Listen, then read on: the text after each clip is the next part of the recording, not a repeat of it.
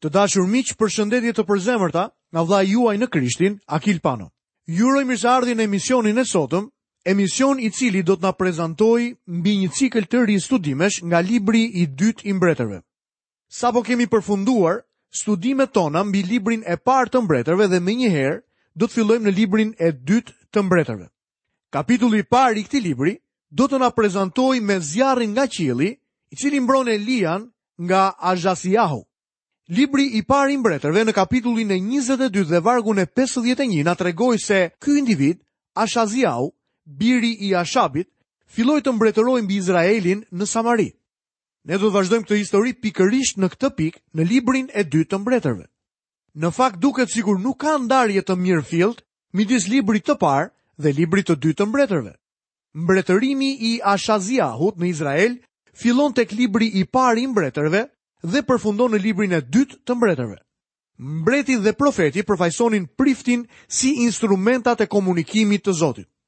Tek libri i dytë i mbretërve në kapitullin e parë, Ashaziahu, mbreti i Izraelit, biri i Ashabit dhe Jezebelit, ra nga dritarja dhe u dëmtua shumë. Lexojmë nga kapitulli i parë, në vargun e parë dhe të dytë në librin e dytë të mbretërve. Mbas vdekjes së Ashabit, Moabi u rebelua kundër Izraelit. Ashaziahu ra nga dritarja e katit të sipërm në Samari dhe u dëmtua. Atëherë dërgoi lajmëtarë të cilëve u tha: Shkoni të konsultoni Balzebubin, perëndinë e Ekronit për të ditur nëse do të marr veten nga kjo fatkeqësi. Jam i gatshëm të them se ra për shkak se ishte i dehur. Ky është vetëm një hamendësim. Më pas, në vend që të shkonte tek Zoti Perëndi për ndihmë, Ashaziahu i influencuar edhe nga nëna e tij, Jezebeli, shkoi të konsultohej me Balzebubin, perëndinë e Ekronit. Kërkesa e Ashaziahut për një orakull ishte një sfidë drejtpërdrejt për Zotin, Perëndinë e Izraelit. Ai donte të dinte nëse do ta merrte veten nga efekti i këtij aksidenti. Lexojmë më poshtë nga vargu i tretë dhe i katërt. Por një engjëll i Zotit i tha Tishbitit Elia, Çohu dhe u dil përpara lajmëtarëve të mbretit të Samarisë dhe u thuaj atyre, mos vallë nuk ka Perëndi në Izrael, që ju shkoni të konsultoheni me Balzebubin perëndinë e Ekronit? Prandaj kështu thotë Zoti, ti nuk do të zbresësh më nga shtrati në të cilin ke hipur, por me siguri ke për të vdekur. Pastaj Elia u largua. Ky ishte një nga misionet e fundit të Elias. Ai takoi lajmëtarët dhe i sfidoi. Mos vallë nuk ka perëndi në Izrael që ju shkoni të konsultoheni me Belzebubin, perëndinë e Ekronit? Më pas ai u jep parashikimin e Zotit që për ta nuk ishte i mirëpritur. Ashaziahu nuk do të shërohej, ai do të vdiste. Lajmëtarët u kthyen dhe i raportuan mbretit atë që kishte thënë profeti Elia. Le të shohim më poshtë Elian, i cili mbrohet nga Perëndia. Lexojmë më poshtë vargun e 7 dhe të 8. Atëherë mbreti i pyeti ata, si ishte njeriu që ju doli përpara dhe ju tha këto fjalë. Ata u përgjigjën, ishte një njeri i veshur me rroba leshi dhe me një brez lëkure rreth ijeve. Ashaziahu tha, është Elia, Tishbiti. Kjo na jep një përshkrim interesant të pamjes fizike të Elias. Lexojmë më poshtë në vargun e 9 dhe të 10. Atëherë mbreti dërgoi tek Elia një kapiten 50-sheje me 50 njerëzit e tij. Ai u ngjit tek ai dhe e gjeti Elian të ulur në majë të malit. Kapiteni i tha: O njeriu i Perëndisë, mbreti të urdhëron të zbresësh. Elia u përgjigj dhe i tha kapitenit të 50-shes: Në rast se jam një njeri i Perëndisë, të zbresë zjarr nga qielli dhe të të zhdukë ty dhe të 50 njerëzit që janë me ty. Dhe nga qielli zbriti një zjarr që zhduku atë dhe të 50 njerëzit e tij. Mbani mend që mbreti Ashazia ishte biri i Jezebelit, gruas që ishte përpjekur të vriste Elian. Me sa duket, për kokën e tij ishte akoma në fuqi një çmim. Elia ishte një njeri i qetë apo jo? Ai thjesht nuk ra në kompromis me stilin e jetës të asaj kohe. Sot flitet shumë për faktin se ne duhet të mësojmë të komunikojmë dhe të shkojmë mirë me të gjithë. Mund t'ju them me plot gojën se kjo nuk është mënyra e Perëndisë. Elia dinte të komunikonte fjalën e Zotit. Njerëzit e dëgjonin atë. Elia ishte njeri shumë i ashpër. Mbreti dërgoi një kapiten tjetër me pesëdhjetë njerëz dhe u urdhëroi Elian që të zbriste nga maja e kodrës. Kështu zbriti nga qielli një zjarr, i cili konsumoi kapitenin dhe njerëzit e tij. Lexojmë më poshtë vargun e trembëdhjetë. Mbreti dërgoi edhe një kapiten të tretë pesëdhjetësheje me pesëdhjetë njerëzit e tij. Ky kapiten i tretë 50-sheje u ngjit dhe shkoi e u shtri para Elias duke u lutur. O njeriu i Perëndisë të lutem, jeta ime e këtyre 50 shërbëtorëve të tu qofshin të çmuara në sytë e tu. Ky njeri kërkon mëshirë dhe Perëndia i ofron atij mëshirë. Lexojmë më poshtë vargjet 15 dhe 16. Engjëlli i Zotit i tha Elias: "Zbrit me të dhe mos ki frikë prej tij." Prandaj Elia u ngrit dhe zbriti bashkë me të tek mbreti. Dhe i tha: "Kështu thotë Zoti, pse nuk paska në Izrael asnjë perëndi me fjalën e të cilit të mund të këshillohesh, që ti dërgove lajmëtarë te Balzebubi, perëndia e Ekronit?" Për këtë arsye, ti nuk do të zbresësh nga shtrati në të cilin ke hypur, por ke për të vdekur me siguri. Elia përsëriti me guxim sërish shpalljen e Zotit. Lexojmë vargjet 17 dhe 18. Kështu Ashaziahu vdiq, sipas fjalës së Zotit, të cilën e shqiptoi Elia. Meqenëse nuk kishte bij, Jerohami filloi të mbretërojë në vend të tij, gjatë vitit të dytë të Jerohamit, birit të Jozafatit, mbretit të Judës. Pjesa tjetër e bëmave të kryera nga Ashaziahu, a nuk është e shkruar vallë në librin e kronikave të mbretërve të Izraelit? Kjo përfundon edhe linjën e Omrit dhe të Ashabit. Miqtë e mi këtu përfundojmë studimin e kapitullit të parë në librin e dytë të mbretërve. Tani pa humbur kohë, Do të fillojmë studimin e kapitullit të dytë në këtë libër. Ngjitja e Elias për në qiell. Ky kapitull na tregon fundin e jetës së profetit të madh Elia. Ai shkon në qiell me një karrocë të zjarrtë. Më pas në detyrë vjen Elizeu. Kapitulli mbyllet me ngjarjen e të rinjve tallës që sulmohen nga arinjtë. Lexojmë nga vargu i parë deri në vargun e katërt në kapitullin e dytë në librin e dytë të mbretërve. Kur Zoti deshi ta çonte në qiell Elian në një shakullim, Elia u nis nga Gilgali bashkë me Elizeun. Atëherë Elia i tha Elizeut, ndalu këtu të lutem, sepse Zoti më dërgoi deri në Bethel. Por Elizeu u përgjigj, ashtu siç është e vërtetë që Zoti rron dhe që ti vetë rron, unë nuk do të lë. Kështu zbritën në Bethel. Dishepujt e profetëve që ishin në Bethel, shkuan pastaj ta takojnë Elizeun dhe i thanë, A e di që Zoti do ta çojë sot Zotin tënd përmbi ty? Ai u përgjigj, po, e di, heshni. Pastaj Elia i tha, Elize, ndalu këtu të lutem sepse Zoti më dërgon në Jeriko. Ai u përgjigj, ashtu siç është e vërtetë që Zoti rron dhe që ti vetë rron, unë nuk do të të lë. Kështu zbritën në Jeriko. Elia po përpiqet t'i thotë Elizeut që të mos e ndjekë. Elizeu nuk dëshironte ta linte Elian sepse e dinte që ai do të largohej atë ditë nga toka. Elizeu do që të jetë i pranishëm kur Zoti ta marrë Elian në shtëpi. Lexojmë më poshtë vargun e 5. Atëherë dishepujt e profetëve që ishin në Jeriko iu afruan Elizeut dhe i thanë, A e di që Zoti do ta çojë sot Zotin tënd përmbi ty? Ai u përgjigj, Po, e di. Heshtni.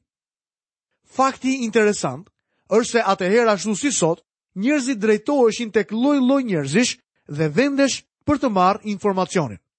Kjo është koha kur fallxhorët, ata që merren me shenjat zodiakale dhe kultet, japin shumë sugjerime. Njerëzit po kthehen kudo përveçse tek Perëndia. Zoti ka të gjithë informacionin për të cilin ju keni nevojë. Nxënësit e profetëve e dinin se Elia do të largohej. Elizeu e dinte gjithashtu. Ata nuk mund t'i thonin atij asgjë të re. Lexojmë më poshtë në vargun e 6 deri në vargun e 8. Pastaj Elia i tha: Ndalu këtu të lutem, sepse Zoti më çon në Jordan.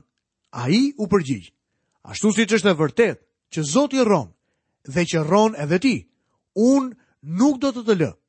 Kështu e vazhduan rrugën bashkë.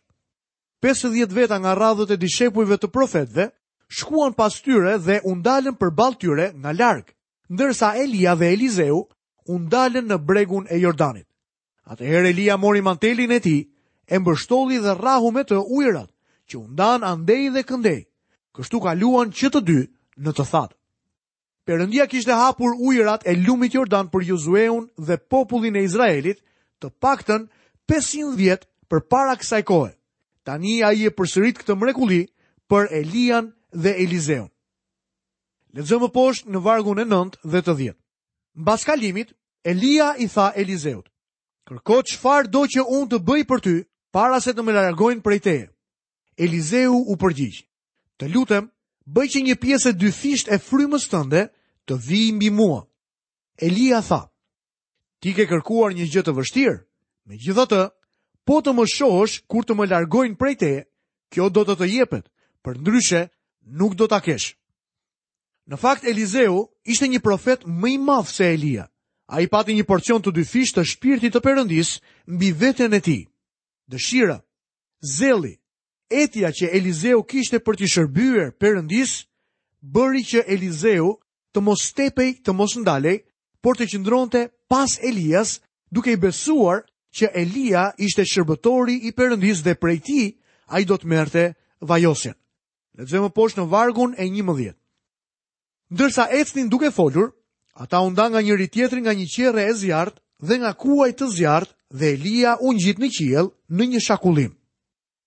Ky ishte një fund i mrekullueshëm i një jete të mbushur plot me lavdi, i një jete e cila ishte mbushur plot me devocion dhe përkushtim nga njeriu i Perëndisë për Perëndinë.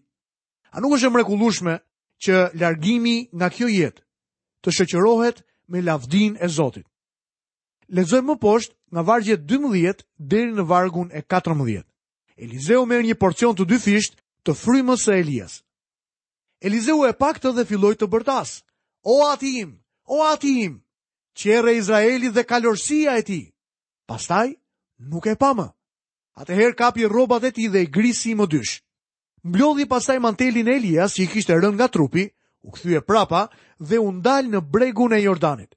Pastaj mori mantelin e Elias që i kishte rënë nga trupi, rrahu ujërat me të dhe tha: "Ku është Zoti, Perëndia i Elias?" Kur edhe ai rrahu ujërat, këto u ndanë sa andej edhe këtej, edhe Elizeu kaloi. Elizeu është duke zënë vendin e profetit Elia dhe këtu shohim se ai shpall hapur besimin e tij. Elizeu merr mantelin e Elias dhe rreh ujërat tamam siç kishte bërë Elia. Fuqia nuk është as tek manteli, as tek Elia, por tek Zoti dhe Elizeu e dinte mirë këtë gjë. Elizeu kishte besim në Zotin e Elias. Ai pyet: "Ku është Zoti, Perëndia i Elias?" Kjo pyetje është shumë e rëndësishme edhe sot. Në vend që të shohim tek burrat apo gratë metodat apo fallxhorët për ndihmë, ashtu siç bëjnë shumë njerëz, përse të mos shohim tek Perëndia i Izraelit? Përse të mos vijmë tek ai? Përse të mos vijmë tek Perëndia i gjallë? Ai është Zoti dhe Ati i Zotit tonë Jezu Krisht. Shih tek ai miku im. Elizeu mori mantelin e Elias, rrahu ujërat dhe ato u ndanë. Ai kaloi mbi lumë për të filluar një fazë të re në jetën e tij. Lexojmë më poshtë në vargun e 15 dhe të 16 dhe këtu do të shohim Elizeun i cili zëvendëson Elian. Kur dishepujt e profetëve që ishin në Jeriko dhe ndodheshin kështu përballë Jordanit e panë Elizeun, ata thanë: Fryma e Elias është vendosur mbi Elizeun. Pastaj i dolën përpara, u përkulën deri në tokë përpara tij dhe i thanë: Ja, ka midis shërbëtorëve të tu 50 njerëz të fuqishëm. Lëri të shkojnë e të kërkojnë zotin tënd, se mos fryma e Zotit e ka marrë dhe e ka hedhur mbi ndonjë mal apo në ndonjë luginë. Elizeu u përgjigj: Mos dërgoni njeri. Nxënësit apo dishepujt e profetëve, që sot mund t'i ngjajnë studentëve të sotëm teologjik, ishin ende duke parë dhe panë Elizeun të ndante ujërat dhe të kthehej përgjatë lumit Jordan. Ata dyshonin që Elia ishte larguar me të vërtetë. Ata mendonin se Zoti kishte çuar Elian në ndonjë zonë të braktisur.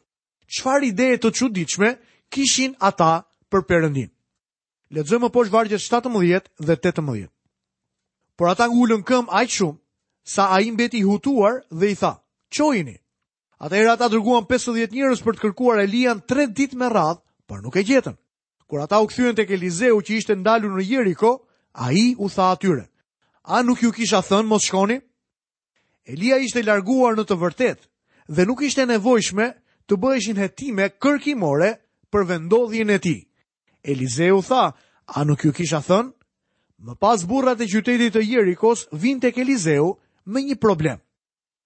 Lexojmë më poshtë vargun e 19 deri në vargun e 22. Banorët e qytetit i thanë Elizeut, Ja, qëndrimi në këtë qytet është i këndshëm, siç mund ta vërë re zoti ynë, por ujërat janë të këqija dhe vendi jo pjellor. Ai tha, më sillni një pjatë të re dhe mbusheni me kripë. Ata ia sollën. Ai shkoi tek burimi i ujërave, hodhi kripën dhe tha, kështu thotë Zoti, unë do t'i bëj të mbara këto ujëra, ato nuk do të shkaktojnë më as vdekje, as shterpësi. Kështu ujërat kanë mbetur të mbara deri më sot, sipas fjalës që Elizeu kishte shqiptuar.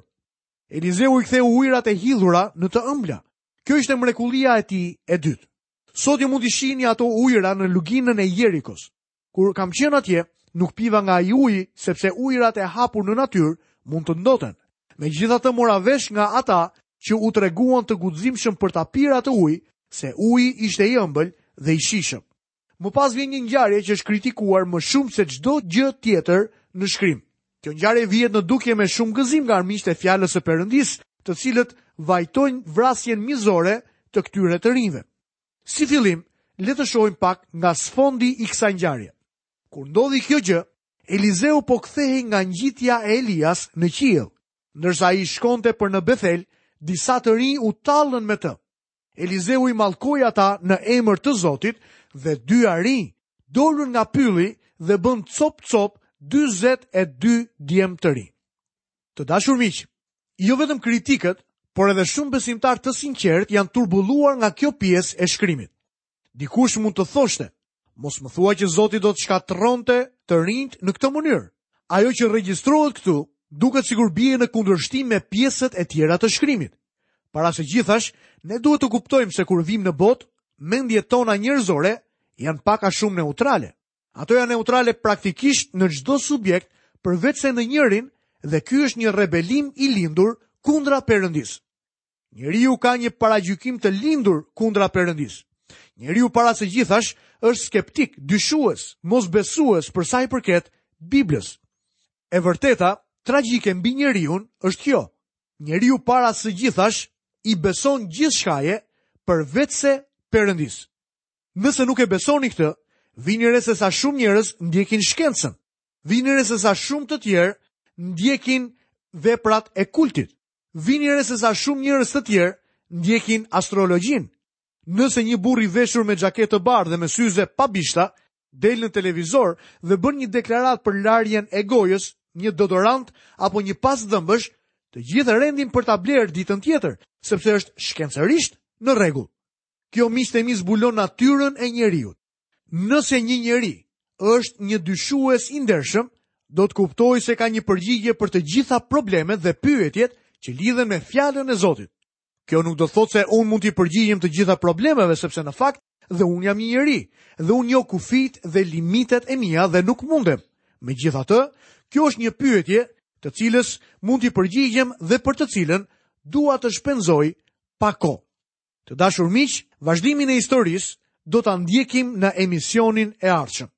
Jam mirënjohës Perëndisë që keni qëndruar së bashku me mua përgjatë minutave të këtij emisioni dhe me të vërtetë në lutjen time kërkoj që Perëndia t'ju japi frymën e diturisë dhe të zbulesës në njohjen e Krishtit në mënyrë që mund të shihni qartë mesazhin që Perëndia ka ndarë me ju sot. Lutem që me të vërtetë të qëndroni pranë Krishtit, kryepriftit tuaj më të lartë, sepse duke qëndruar pranë tij, qëndroni të rrethuar nga manteli i autoritetit të tij dhe nga fryma e vajosjes së tij. Unë besoj që Perëndia nuk ju ka thirrur vetëm për të qenë të shpëtuar, por besoj që ai ju ka thirrur si besimtarë jo vetëm që ta njihni atë, por dhe që të jini si instrumenta të dobishëm në duart e tij. Jini pra, ato enë apo kontenierë të vajosjes, të frymës, të fuqisë së Zotit. Unë besoj që Perëndia, në planin e Tij të mrekullueshëm, do t'ju përdorë ju sot, në familjen tuaj, në komunitetin tuaj, në lagjen ku ju jetoni, në vendin tuaj të punës. Lejojeni Perëndinë që të rrjedhë përmes jush me frymën e tij të shenjtë. Mendoni pak se si ajo frymë, ajo vajosje, ajo fuqi dhe autoritet kaloi nga shërbëtori i Perëndisë i quajtur Elia tek Elizeu. Lutja ime është Perëndi. Unë nuk dua një vajosje të dyfishtë, por unë dua vajosjen e Jezusit. Unë dua frymën e Jezusit, unë dua fuqinë e Jezusit, unë dua dashurinë, maturinë, zemërbutësinë, përulësinë, zemrën e mbushur plot dhimbje për të humburit që ishte në Krishtin. O Zot, të lutem më përdor si një instrument në duart e tua në mënyrë që ti të sjellësh në mbretërinë tënde njerëz të rinj. Të dashur miq nga vëllai juaj në Krishtin Akil Pano, paçi të gjitha bekimet e Perëndisë dhe paqen e tij në jetën tuaj. Bashkë mirudëgjofshim në emisionin e ardhshëm.